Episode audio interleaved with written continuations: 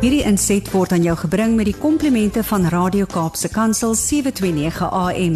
Besoek ons gerus by www.cape pulpit.co.za. Dis ons voorreg om weer te gaan draai in Pretoria saam met Zanti Swanepoel, internasionale spreker, stigter van die Babies Behind Bars projek, motiveerder, besigheidsvrou, voormalige mevrou Verenigde Nasies internasionaal en daar is net 'n paar goedjies op die lys. Goeiemôre Zanti. Goeiemôre aan almal in daai mooi Kaap van 'n uh, nat Pretoria. Kyk, ek het al gewonder of ek die kinders of vir Dakota in die oggend met die kar of met die boot met skool toe vat. Dis dit dit hier gaan. ja, nee, kyk, ons gedeeltes in ons land wat ons weet mense trek ook nou swaar met die groot reënval, maar ons ja. glo julle is nog veilig en ons sien so uit om te hoor wat jy vandag met ons deel.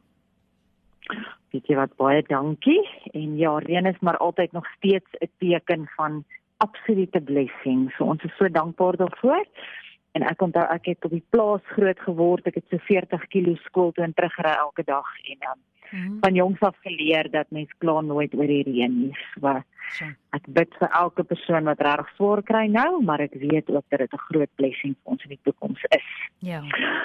Ek is vreeslik opgewonde om vanoggend met julle te gesels en soos julle weet, praat ek altyd met myself eers op 'n Woensdagoggend, nê. Nee. Mm. En as daar dan 'n luisteraar of twee is wat iets daarbey kan baat of daaruit kan put, dan loof en prys ons die Here daarvoor.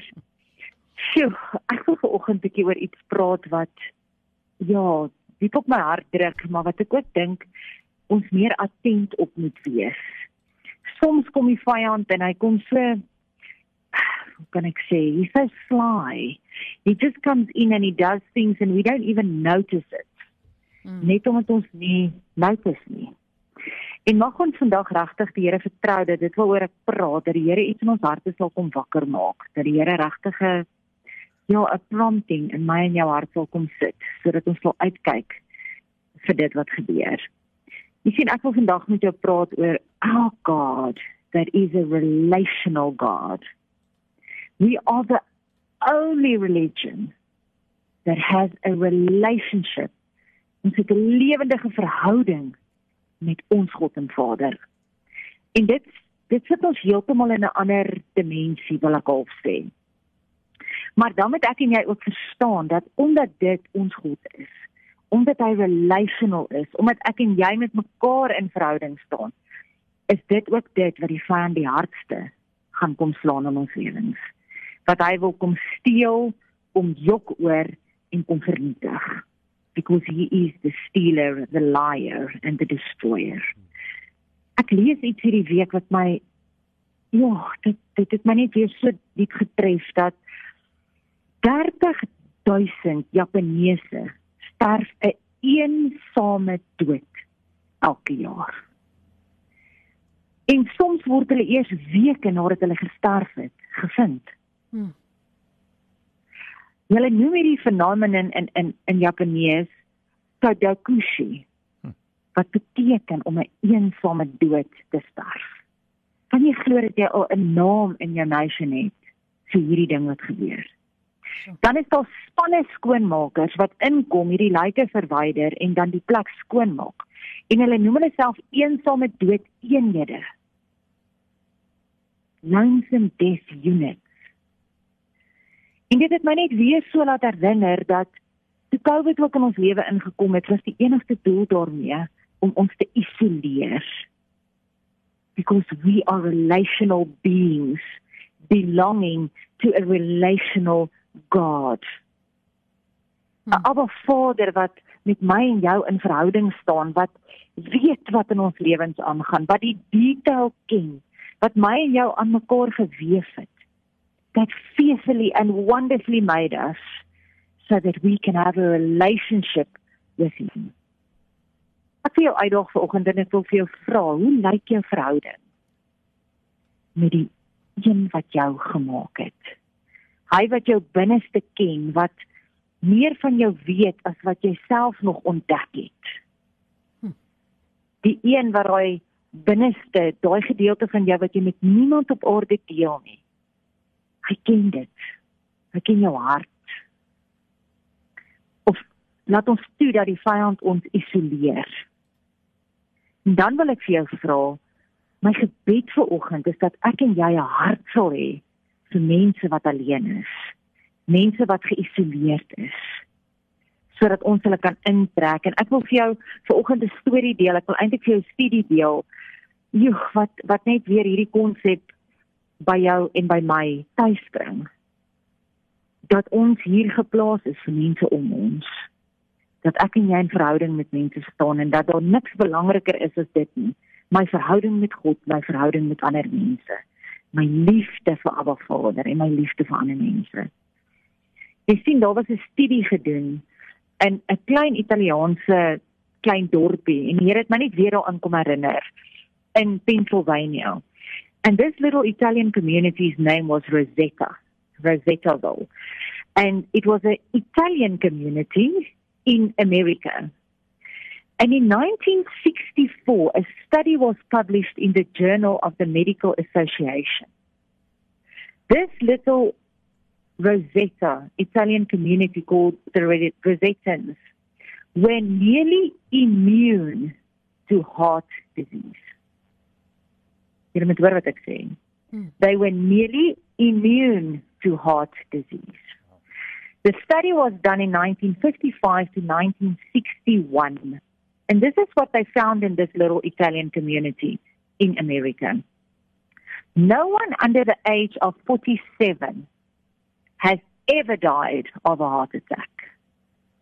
Hmm. No one under the age of 47 ever died of a heart attack. There was a complete absence, absence of heart diseases in men under 55 years old. Nobody, no men under 55 years old had any heart disease. The rate of heart attacks in men over 65 was half the national average. And the death rates from all causes, in enige siekte, was 35% lower than any place elsewhere. Van toe af noem hulle dit the Rosetta effect. Why this phenomenon? Why is one community nearly immune to heart disease? Hmm. Ek wil vandag vir jou sê dat die antwoord hierin is jare lank al in die Bybel. Maar ek en jy word soms blind gemaak deur 'n vyand wat ons wil isoleer, wat ons wil wegvat wegvat van menslike verhoudings af. Hulle het hierdie dorpie gaan bestudeer, hulle het hierdie Rosettens gaan bestudeer en hulle het gaan kyk, okay, maar daar moet seker lifestyle dinge wees. Hulle moet reg leef, reg eet, oefen, al die regte goeders doen. En daarom het ons hierdie ding dat hulle amper immune vir hart enige hart siektes. Toe kom hulle agter maar these people don't only smoke cigarettes, they smoke cigars. They work in quarries and in mines with harsh conditions. They are in pollution most of the time. They work in toxic mines. They eat deep fried food like red meat rolled in lard. And they drank lots of wine. Ek kom al agter maar dit kan nie lifestyle wees wat maak dat hierdie mense nie heart disease kry nie. Hmm. Die slotsom en dit wat ek vir jou by tuis bring vir oggend en vir my is that this community had close knit social patterns. They were cohesive and had mutual support, strong family and community ties, and the elderly were not marginalized but revered or revered. Hulle het soms sommer 3 en 4 generasies in een huis gebly. En as hulle vanaand van die huis af kom, dan het hulle kaart gespeel in die straat met mekaar. Die kinders het met fietsse rondgery en gehardloop in die parke om die huise. Almal was met mekaar in relationship. Their relationships were healthy. Het hulle beklei verseker, hulle is Italianers gewees. But they forgave quickly and they kept on building relationships. It's so beautiful in the study. It said, put simply, the Rosettans lived in brotherhood with one another. The quality of their relationships and social milieu was sky high. This physically protected their hearts. Ek wil vandag vir jou sê vir my was dit net weer 'n wake up call dat community om met mekaar 'n relation te hê, om saam te eet, om te gather, om om 'n braaivleisvuur te wees, om gelukkig te wees, om te share, om uit te reik. Is dit wat my en jou lank laat leef? And isn't that what the word says that our joy should be our strength? Our joy should be our strength. Our community with each other. Ek los jou vandag met net so vyf praktiese stappe wat jy kan doen as iemand as jy sien iemand is alleen of jy's alleen of ons eensaamheid. Mag die Here my en jou hart gee om uit te reik. Ek wil vir jou uitdaag vandag om te begin bid vir iemand wat jy sien eensaam is. But pray for them by name. Julle ons kan nie meer in die algemeen bid nie. Daar's meer as 6 triljoen, 'n million billion stars in the sky, 'n million billion. God put them there and he called them by name. Hmm. Ek dog jou uit om vir iemand by sy naam of haar naam te begin bid. Dan dog ek jou uit om hulle storie te gaan luister, to reach out and to listen to their story. To eat with them. Jesus was die grootste voorbeeld hiervan dat hy saam met mense community gehad het, dat hy ate with people. Want niemand raak meer deel van jou lewe, deel meer van hulle lewe as om 'n tafel met lekker kos nie. I want to challenge you to serve them. Start serving the people that you see that are isolated and alone.